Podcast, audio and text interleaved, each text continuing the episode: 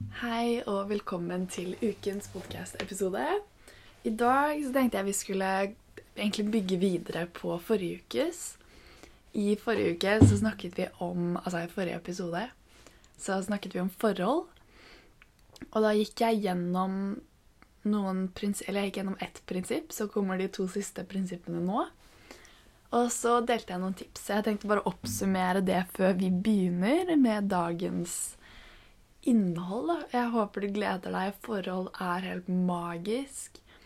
Og det som er så fint med de prinsippene jeg nevner, er at de gjelder ikke bare for romantiske forhold, men de gjelder for vennskap, de gjelder for forhold med deg selv, det gjelder for så mye annet, da. Og det er så relevant å kunne disse tingene, fordi måten man viser kjærlighet til en partner på, er veldig ofte sånn man viser kjærlighet til seg selv også. Hvis du elsker å gi komplimenter til partneren din, så kan det hende komplimenter er akkurat det du trenger å gi til deg selv også.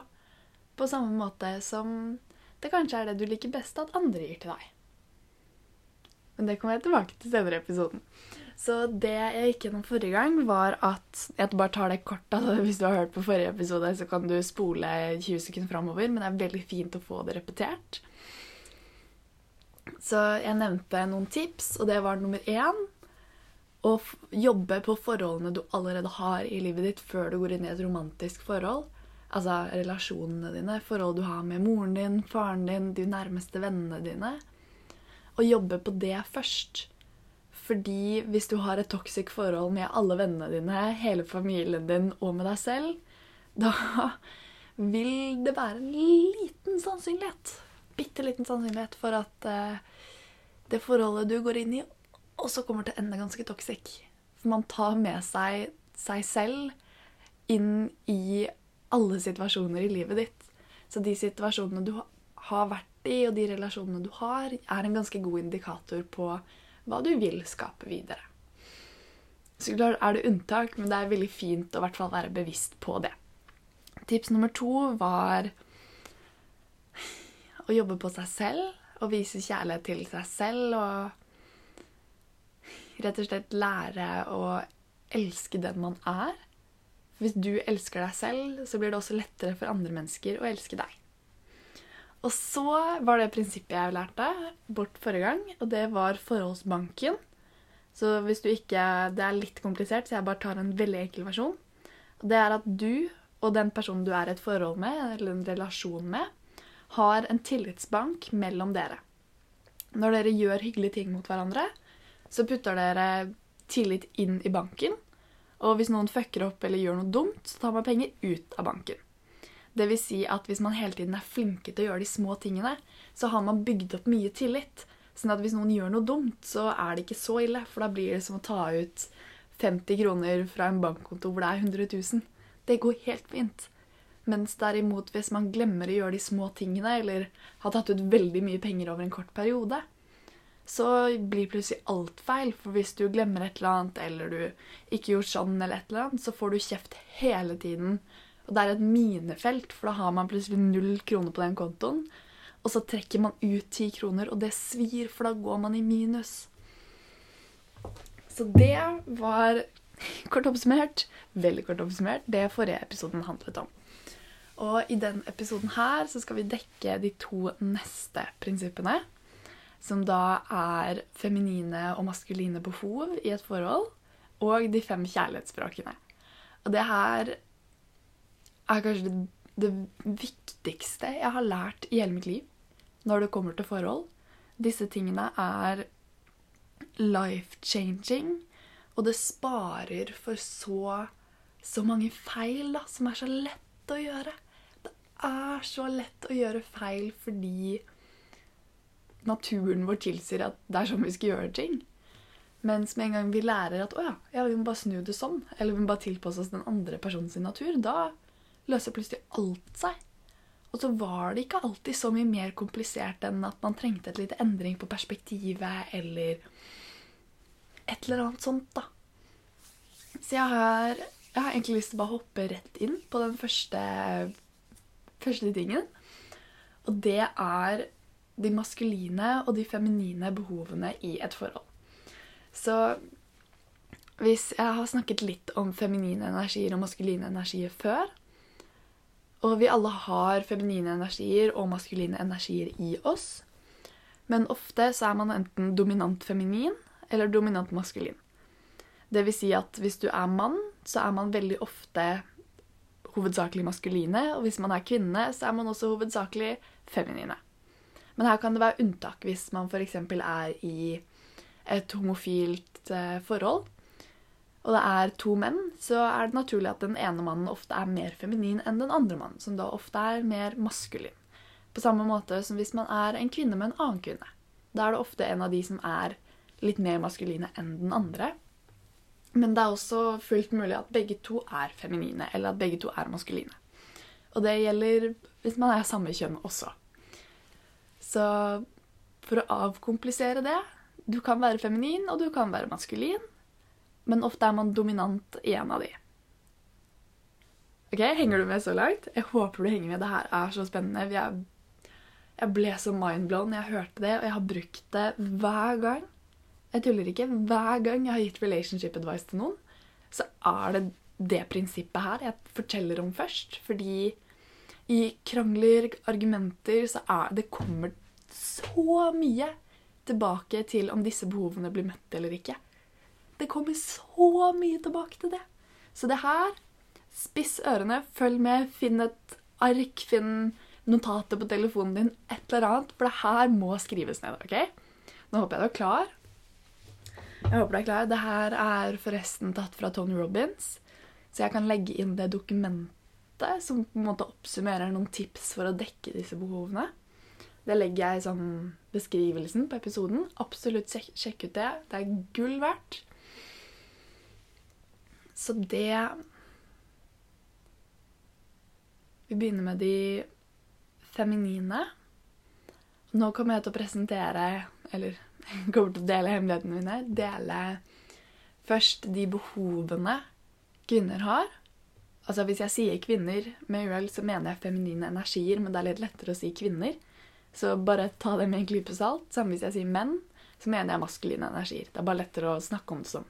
Så da har jeg tatt en liten disclaimer der.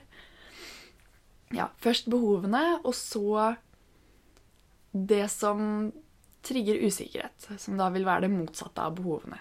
Det man har behov for å ikke få. Ok, Så det første kvinner har behov for, eller feminine energier, ja, har behov for, er å bli sett. Å bli sett.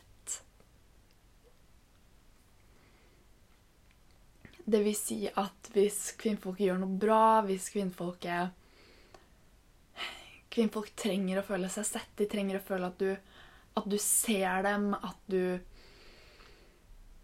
på en måte legger merke til dem. da. Og det kan være med små ting. Det kan være små handlinger. Det kan være at du lytter til henne. Det kan være at du gir henne komplimenter. Og det er litt avhengig av kjærlighetsspråket, så jeg kommer tilbake til etterpå. Og det, hvis du klarer å gjøre at hun føler seg sett Oh my Altså Kommer til å være så lykkelig.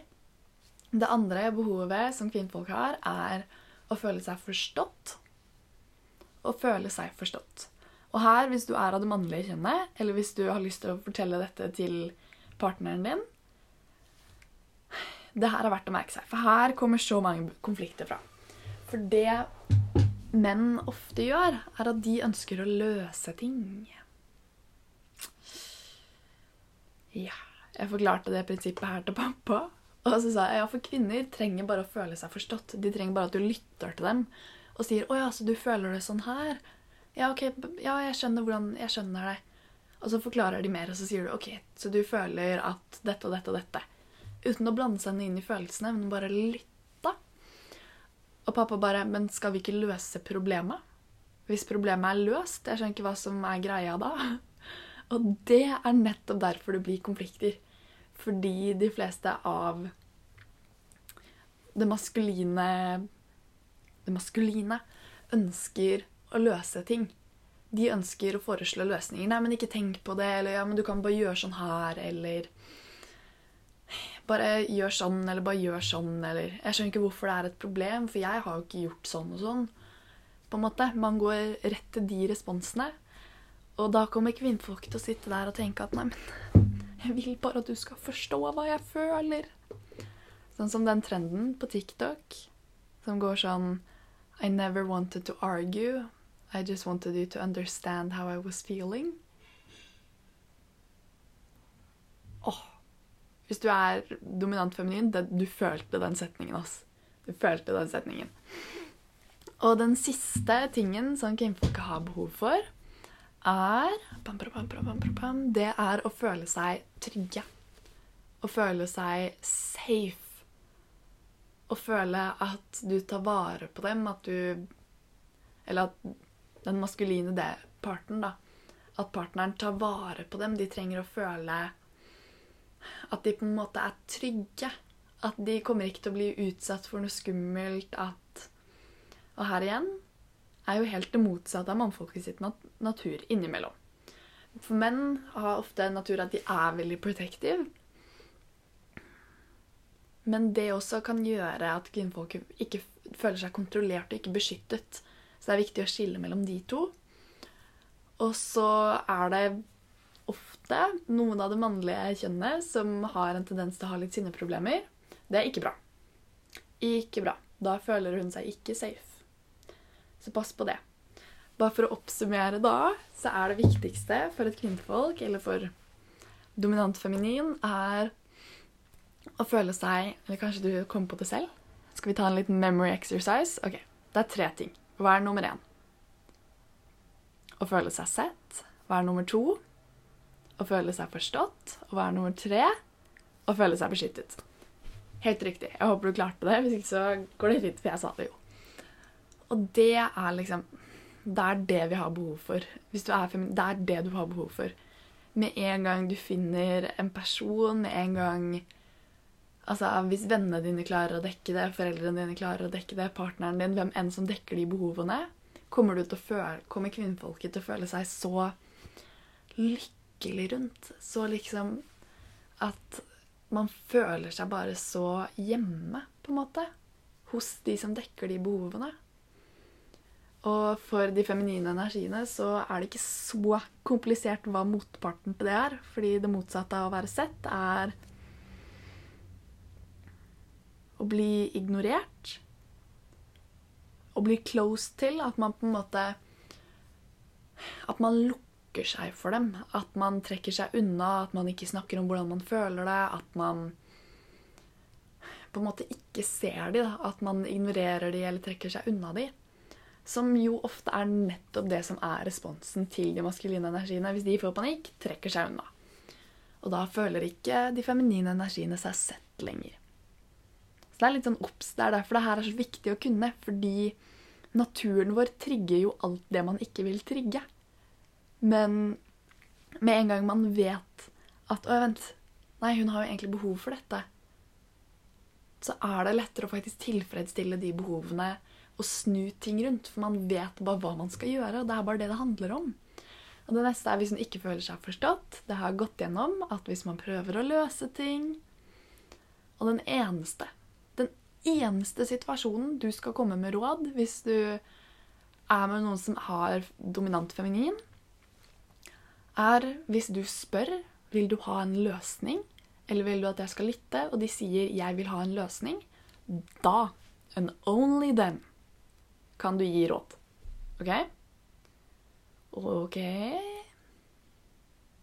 OK, bra. Jeg håper du syns det her er interessant. Jeg syns i hvert fall dette er så gøy å snakke om fordi det er så life-changing, rett og slett. Og det er, så, det er så verdifull kunnskap. Og den siste er hvis hun ikke føler seg trygg. Det har altså gått litt gjennom allerede. Så da går vi videre, rett og slett, til de mannlige behovene og det som da er omvendt. Altså det De mannlige triggersene, kan man kalle det det? Vi kaller det det. Så de mannlige behovene, eller de maskuline behovene, er Jeg vil at du skal tenke litt først. Jeg vil at du rett og slett skal tenke litt. Når er det your man hvis du er kvinne og du har en partner? Eller hvis du er mann, eller er dominant maskulin. Tenk litt over når Hva er det jeg egentlig trenger? Og tenk litt over det. Ok, Har du tenkt litt? Ja, strålende. Så nå, nå kommer det. Det første mannfolket har behov for, er å føle seg frie. Oi. Oi, spennende. Å føle seg frie. De dominante energiene har et behov for frihet. Et behov for å føle at de kan velge selv. At de ikke er låst fast. At de er frie, rett og slett.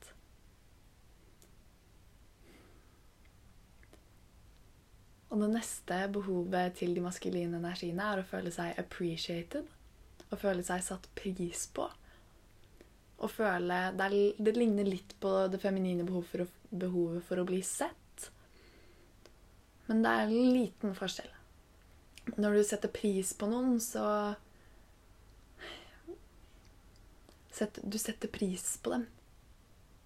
Det er ikke bare at du ser innsatsen eller at du legger merke til dem, men du, du, setter faktisk pris på det. Du sier at 'jeg er så glad for at jeg har deg i livet mitt', eller hvis det er et familie, familierelasjon, og på en måte sette pris på innsatsen de gjør hjemme, og sette pris på hvordan foreldrene dine er med deg.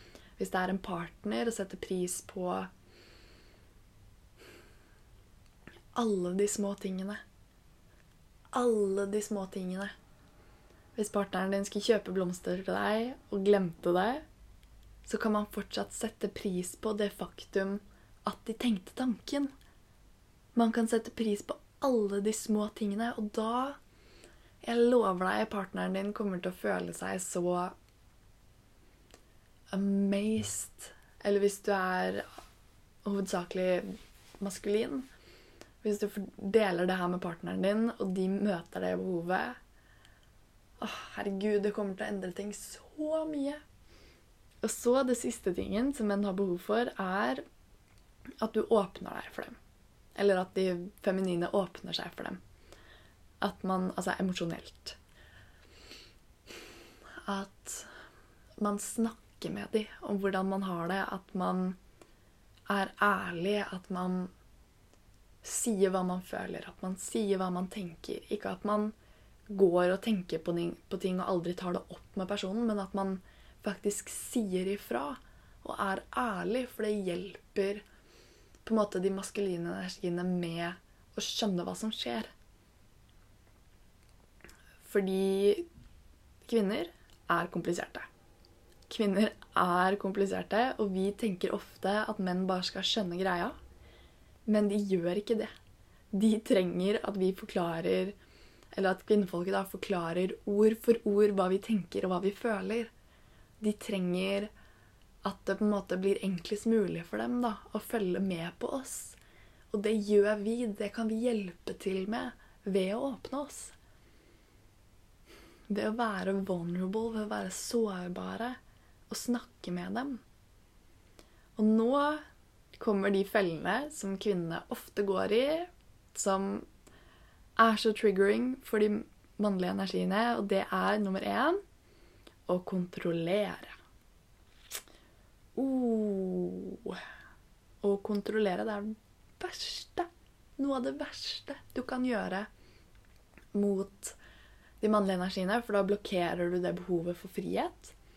Og da vil ofte de mannlige behovene føle seg litt sånn låst inne. Litt sånn at du prøver å presse dem til å være noe de ikke er, eller at de føler at de må gjøre noe. At det er ikke lenger et valg, men det er at man, man må gjøre noe. Da er det ikke noe gøy å gjøre det. Mens kvinnfolket derimot, når de får panikk, når de ikke føler seg trygge, når de ikke føler seg sett, når de ikke føler seg forstått, så prøver de å kontrollere de maskuline energiene og si at nei, men du må gjøre sånn, og du må gjøre sånn, og du må være på denne måten. Men det er det verste vi kan gjøre. Det beste vi kan gjøre, er heller å åpne oss, som da var nevnt i behovene, og åpne seg og si hva man føler. Ikke hva de skal gjøre med det du føler, men bare si hva du føler. Og så kommer den neste nøkkelen, og det er at man kan ikke kritisere. Det er den andre tingen kvinnfolk pleier å gjøre når man blir irritert. Ja, ok, man sier hva man føler, men det er på grunn av deg, og du gjorde sånn, og du skulle ikke gjort sånn, og når du gjør sånn, så bla, bla, bla, bla, liksom. Man blir så glad i å kritisere fordi det er lett å lete etter feil. Og hvis man leter etter feil, så finner man feil, og da gjør man enda en feil, som er å si til partneren sin at 'Å, oh, her fant jeg en feil'. Så istedenfor å gjøre det, bare åpne seg og fortelle hva du føler, urelatert til hvordan de burde endre på seg, eller hvordan de burde gjøre det, men snakk om ditt perspektiv. Det er så viktig. For da beholder man den friheten. Og da beholder man den appreciationen. Og da hvis man skal fortelle hva man føler, så er det så fint å legge inn litt appreciation mens man snakker om ting. At det er så flott at du på en måte gjør sånn 'Jeg elsker at du tenker på den måten'. Likevel så føler jeg noen ganger at det kan bli litt mye fordi jeg har en usikkerhet om på en måte At man forteller ting litt mer på den måten. At man åpner seg, at man setter pris på motparten samtidig. Og dette gjelder uansett om det er en venn du har som er maskulin dominant, om det er en partner, om det er en forelder, om det er en whatever. Husk på de tingene her. Og det siste som man helst da ikke skal gjøre med de maskuline energiene, er å lukke seg. Og være closed og ikke snakke om hvordan man føler. Og på en måte gå med problemene sine eller tankene sine alene. Så merker de at du er litt sur på dem, men du vil ikke snakke om det. Nei, nei, vil ikke snakke om det. Skal holde det for, dem, for deg selv. Ja, ja. Det No, no, no. Det har vi vært gjennom det. Åpne seg. Snakke om ting. Og det er de tingene her når jeg prøvde prøvd å forklare med litt eksempler, og sånn, sånn at man skjønner hvordan det funker i virkeligheten. For å oppsummere kvinner har behov for å føle seg sett, forstått og beskyttet. Så det verste du kan gjøre da, er å ikke se dem, ikke forstå dem, altså prøve å løse ting, og ikke passe på tryggheten deres. Og trekke seg unna eller å være streng eller sånn type ting. For menn så har menn behov for å føle seg frie å føle seg satt pris på, og føle at du åpner deg for dem. Så det verste du kan da gjøre med de maskuline energiene, er å prøve å kontrollere dem, kritisere dem, eller å lukke deg for dem. OK? Godt oppsummert. Ga det mening? Har du skrevet det ned? Jeg håper du har skrevet det ned, for det her oh, Og så legger jeg ut det dokumentet i beskrivelsen, som du må lese gjennom. Du må lese om det. Og hvis du på en måte følger mange av de tingene der, og bare leser gjennom det, studerer de tingene Det er så life-changing. Hvis man forstår hvordan man kan bruke disse skal jeg se, Blir det seks behov? Tre for kvinner, tre for menn, og seks do not do this. Ja, hvis du klarer å huske på de tolv tingene, og implementere det i livet ditt, måten du snakker og er med andre mennesker på Life changing. Faktisk, liksom. Det er helt magisk effekten det her kan ha. Så skal jeg også i en senere episode og i en TikTok som jeg nylig skal legge ut denne uka her, tror jeg. Eller så har jeg lagt den ut. Ja, i hvert fall en TikTok hvor jeg deler en lytteteknikk som heter emotional listening. Det kan du også google. Den er veldig fin hvis man skal forstå folk uten å prøve å løse ting. Hvis du lærer deg den, mestrer den oh, Nydelig. Så da går vi over til det siste vi skal snakke om i dag, før denne episoden er til slutt, og det er de fem kjærlighetsspråkene. De fem kjærlighetsspråkene er også så key, fordi når man har lært seg hva de fem kjærlighetsspråkene er, så blir det veldig lett å møte alle kjærlighetsspråkene. Det blir også veldig lett å kjenne igjen hva de rundt deg faktisk har behov for. da. Fordi måten kjærlighetsspråkene fungerer på. Vi har ofte et kjærlighetsspråk som er vårt hovedkjærlighetsspråk. Tenk deg at morsmålet ditt er norsk. Og da hvis du møter en person med et annet kjærlighetsspråk, som da f.eks. har morsmålet tysk, og dere nå skal prøve å vise kjærlighet for hverandre, så du begynner å snakke norsk til den personen. Personen snakker tysk tilbake. Og ja da, i starten så er man så glad i hverandre at man bare føler all kjærligheten. Og det er ikke så mye å si at man egentlig ikke skjønner en dritt av hva den andre personen snakker om. Men etter hvert i forholdet så forsvinner den kjærligheten litt, fordi de snakker bare tysk. Og du vil bare at de skal snakke norsk til deg, men de er jo elendige på å snakke norsk til deg. Så da er det akkurat det samme for den andre personen, for de skjønner jo ikke norsk. De vil bare at du skal snakke tysk til dem. Og så forsvinner kjærligheten litt, da. Så blir man irritert fordi de aldri vil kose med deg, eller du aldri får komplimenter, eller sånne type ting, da. Så nøkkelen her er at hvis du lærer deg hva ditt eget kjærlighetsspråk er, så er det veldig lett å informere folk om at alt jeg egentlig trenger, er det her. Og da kan man også lære dem hvordan de viser deg eller snakker det kjærlighetsspråket. På samme måte så kan du lett kjenne igjen hvilket kjærlighetsspråk de rundt deg har. Og da blir det veldig lett å møte de, sånn at folk skjønner kjærligheten din. For vi har Vi mennesker, vi har så mye kjærlighet i oss. Og det er så trist at den kjærligheten ofte ikke når fram fordi man kommuniserer i et annet språk enn det mottakeren klarer å skjønne. Da. Så det er, så det er så fint å ha den teknikken her i arsenalet, verktøykassa. Ja. Så nå går jeg gjennom de fem kjærlighetsspråkene, hvordan man kan vise de, og så kommer jeg til å legge en test, en link til en test i beskrivelsen av denne episoden, sånn at du kan gå inn og teste kjærlighetsspråket ditt.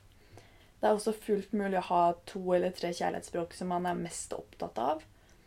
Og hvis du er veldig mottakelig for kjærlighet, så vil du kunne føle kjærligheten fra alle. Uansett hva slags kjærlighetsspråk du snakker. Men det er litt avhengig av tankesett og hva man har mottatt i barndommen. Så vi tar utgangspunkt i det at du har hovedsakelig ett til tre kjærlighetsspråk. Og vi tar det derfra. Ok, Er du klar? Er du klar? Er du spent? Er du klar til å lære litt mer om det her? Og jeg kan også anbefale boka 'De fem kjærlighetsspråkene', hvor det går i dybden masse eksempler. Kjempespennende. Det er der jeg har lært om det. Og så har jeg tatt det i bruk i livet mitt every day since. Så de fem kjærlighetsspråkene er bam, bam, bam, Words of affirmation, altså komplimenter. At man viser ting med ord. At man faktisk sier og bekrefter det man legger merke til. Words of affirmation vil si at når noen har lagd middag, så passer du på å si 'tusen takk for at du har lagd middag', og legger ut om hvor flott det er at denne personen har lagt middag. At man passer på å si 'jeg er glad i deg' før man forlater dem. At man på en måte legger merke til og komplementerer alle de små tingene. 'Å, er det et nytt smykke? Det var så fint.' Eller 'Å, Tusen takk for at du har vaska rommet mitt. Det er helt skinnende her. Jeg tror aldri det hadde vært så fint her. Eller takk for at du spurte på en måte de, de små tingene. Takk for at du kunne hente meg. Takk for at du dro på butikken istedenfor meg. Du aner ikke hvor mye det betydde for meg. Jeg hadde virkelig behov for det. Så det var så nydelig at du kunne gjøre det i dag. Sånn type ting. Så det er den, kort forklart. Den neste er physical touch det er noe veldig mange tror at de har som kjærlighetsspråk. Fordi man ofte er glad i sånn intimitet, ting som kyssing og sex. Men det, fys det fysiske kjærlighetsspråket går mer på ting som hvis man sitter ved siden av med noen, så vil man sitte inntil dem. At man klemmer noen når man ser dem, når man drar fra dem. At man Og så klart, ting som sex og kyssing er jo viktig i et forhold, spesielt for de som har dette kjærlighetsspråket. Men det er nesten like viktig at man legger, skulderen, nei, legger hånda på skulderen deres, eller at man stryker dem på armen, eller at man gir en klem. De tingene. På en måte, Alt sånn små touching når enn man har muligheten, er gull for de som har physical touch som kjærlighetsspråk.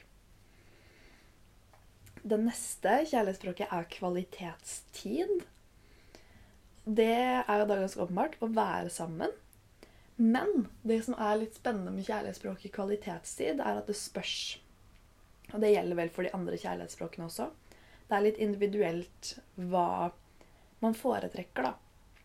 De som har kvalitetstid, da er det noen som er veldig, veldig glad i å gjøre sånn morsomme ting og faktisk gå ut og gå en tur sammen, eller å dra ut og spise, eller å dra på kino og gjøre noe som faktisk er en ordentlig opplevelse. Andre som har kvalitetstid som kjærlighetsspråk, har vel egentlig bare behov for oppmerksomheten din. Har behov for at når du er med dem, enten når dere sitter og ser på TV eller hva enn dere gjør, så vil de ha din fulle oppmerksomhet. At du skal ikke sitte ved siden av dem og scrolle på TikTok. At du på en måte ser de inn i øynene. At du er til stede med dem. At man faktisk snakker sammen, at man har ordentlige samtaler. Ikke at man er sammen overfladisk, men at man er sammen når man er sammen. Det er veldig, veldig viktig for de Beklager, nå knirka det litt i gulvet mitt. Jeg håper ikke det kom på mikrofonen, men hvis du gjorde det, så var det Ja. Um, så det, det er så viktig for de med kvalitetstid at man faktisk er med de når man er med de. Det neste kjærlighetsspråket er acts of service, altså tjenester.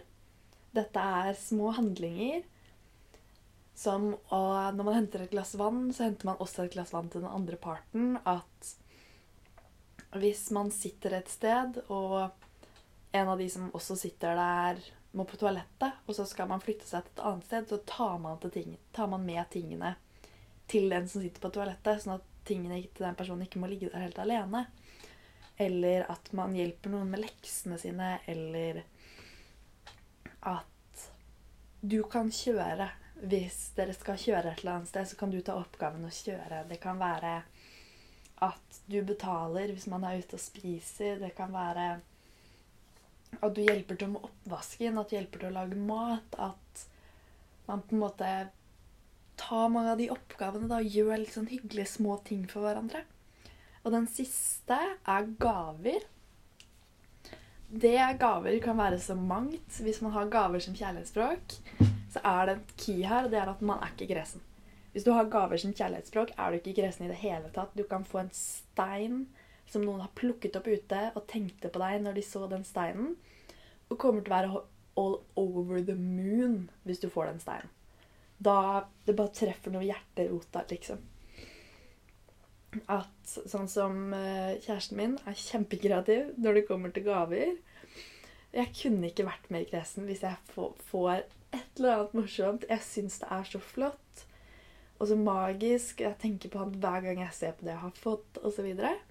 Så hvis man har gaver som et av kjærlighetsblokkene sine, så er man ikke kresen i det hele tatt. Og det er også litt fint å bemerke seg at man, da trenger man ikke alltid kjøpe ting. Du kan plukke opp en stein ute. Du kan plukke blomster langs veien. Du kan tegne et kort. Du kan legge en Red Bull i veska deres før de drar på skolen, sånn som eh, en jeg går i psykologiklasse med, fortalte at kjæresten hennes pleide å gjøre. På en måte sånne småting, da. Eller at man låner dem en bok.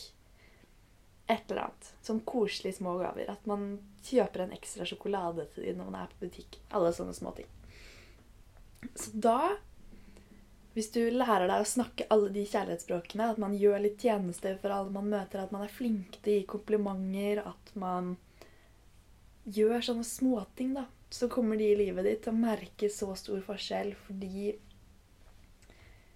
det er ikke bare å være glad i folk. Fordi de kommer ikke til å føle at du er glad i dem bare sånn på magisk vis fordi du er det. de trenger at det blir kommunisert til dem for at den følelsen skal virkelig dukke opp. Så da er dette veldig fint å kunne. Så måten man ofte legger merke til hva kjærlighetsspråket til noen er, er at man legger merke til hva de klager over. Sånn som jeg har en venninne som gjør veldig mye husarbeid hjemme. Det kan antyde at foreldrene hennes er veldig glad i acts of service. Og Problemet er at de aldri takker henne for den innsatsen hun gjør. At når hun har vaska hele huset, så er det ikke noe sånn 'Å, her var det fint', eller 'wow', eller sånn. Det bare ekspektes at det skal gjøres. Det er det hun klager over. At jeg får aldri et takk, eller de legger aldri merke til det, eller sånn. Da er det veldig ofte words of affirmation, fordi det er det man klager over. På den andre måten, hvis du har de som har acts of service, altså tjenester, kan klage på at 'Å, jeg får aldri noe hjelp i huset', eller 'jeg må gjøre alt på egen hånd', eller 'Å, jeg har så mye å gjøre', eller um, Det er alltid jeg som må gå ut med søpla, på en måte sånne type ting, da. Man legger merke til sånne type ting. Eller hvis man på physical touch at personen vil aldri kose, bare ha sex, eller på en måte Jeg vil bare at de skal holde rundt meg. Sånne type ting. Så man legger merke til at det man først klager over når det er et problem, er veldig ofte relatert til kjærlighetsspråket. Eller 'personen har aldri tid til meg', 'nå er det så lenge siden jeg har sett dere', eller sånn type ting. Det kan man også legge merke til blant familie og venner. Og når man vet hva kjærlighetsspråket til de rundt seg er, så er det veldig lett å på en måte dekke de. Og hvis man ikke vet, så er det uansett nydelig å bli flink til alle sammen å lære seg et kjærlighetsspråk eller to utover det som er ditt hovedkjærlighetsspråk. da. Og begynne å øve seg på det å uttrykke kjærlighet ordentlig. Og det er ofte det som går galt i ekteskap, sånn som han skrev om i den boka, er at i starten så er man flink til å vise kjærlighet. Man er flink til å vise alle fem språkene. Og så trekker man seg tilbake til bare sitt hovedkjærlighetsspråk. Som da veldig ofte ikke er det samme som partneren. Som vil da si at man I starten så snakker man litt alle språkene, man skjønner hverandre veldig godt. Og så går man tilbake til å bare snakke sitt eget språk. Og da plutselig funker ingenting lenger. For man føler ikke at kjærligheten er der. Kjærligheten har liksom bare forsvunnet. Og det kan også være grunnen til at en part føler seg veldig elsket, mens en annen part føler seg ikke elsket i det hele tatt. Hvis den ene parten er veldig flink til å vise kjærlighet på riktig måte, mens den andre parten viser kjærlighet på helt feil måte, da vil den ene personen ha veldig lett for å føle seg elsket. Mens den andre personen Nei. Dop. Funka ikke. Så det var dagens episode. Nå håper jeg at eh, Nå håper jeg du har fått noe ut av dette, og jeg håper du nå begynner å faktisk ta i bruk litt grann det her. Og ta i bruk dette med kjærlighetsspråkene og begynne å lære deg å gi komplimenter til folk hvis du har vært elendig på det, eller Og kanskje hjelpe til litt mer hjemme, rett og slett, hvis du merker at Å ja. Å ja, ja. Pokker. Begge foreldrene mine har jo tjenester som kjærlighetsspråk, men jeg hjelper jo aldri til med noe. Ha, kanskje jeg skal gjøre det? Og da vil de bli så glade. Og det samme gjelder jo i forholdet. Så hvis man da har en partner, og du nå har hatt en eller annen åpenbaring om hva kjærlighetsspråket deres er, møt det. Møt det kjærlighetsspråket. Lær deg hvordan du taler det. Selv om det ofte ikke er naturlig i det hele tatt i starten. Å snakke et kjærlighetsspråk utenom det man selv har lært. Så jeg lover, du kan lære det. Partneren din kan også lære andre kjærlighetsspråk. Man må bare vite hva man skal lære seg, og så må man gjøre det. Så ta den testen. Få alle du kjenner til å ta den testen. Få partneren din til å lese gjennom det dokumentet jeg legger her. Og jeg håper inderlig at du finner den rette for deg, og at den personen og du får det mest fantastiske forholdet i hele verden så håper jeg at den podkast-episoden her kan gjøre det litt lettere. Du er magisk, du er fantastisk. Tusen hjertelig takk for at du hørte på. så ses vi igjen neste uke.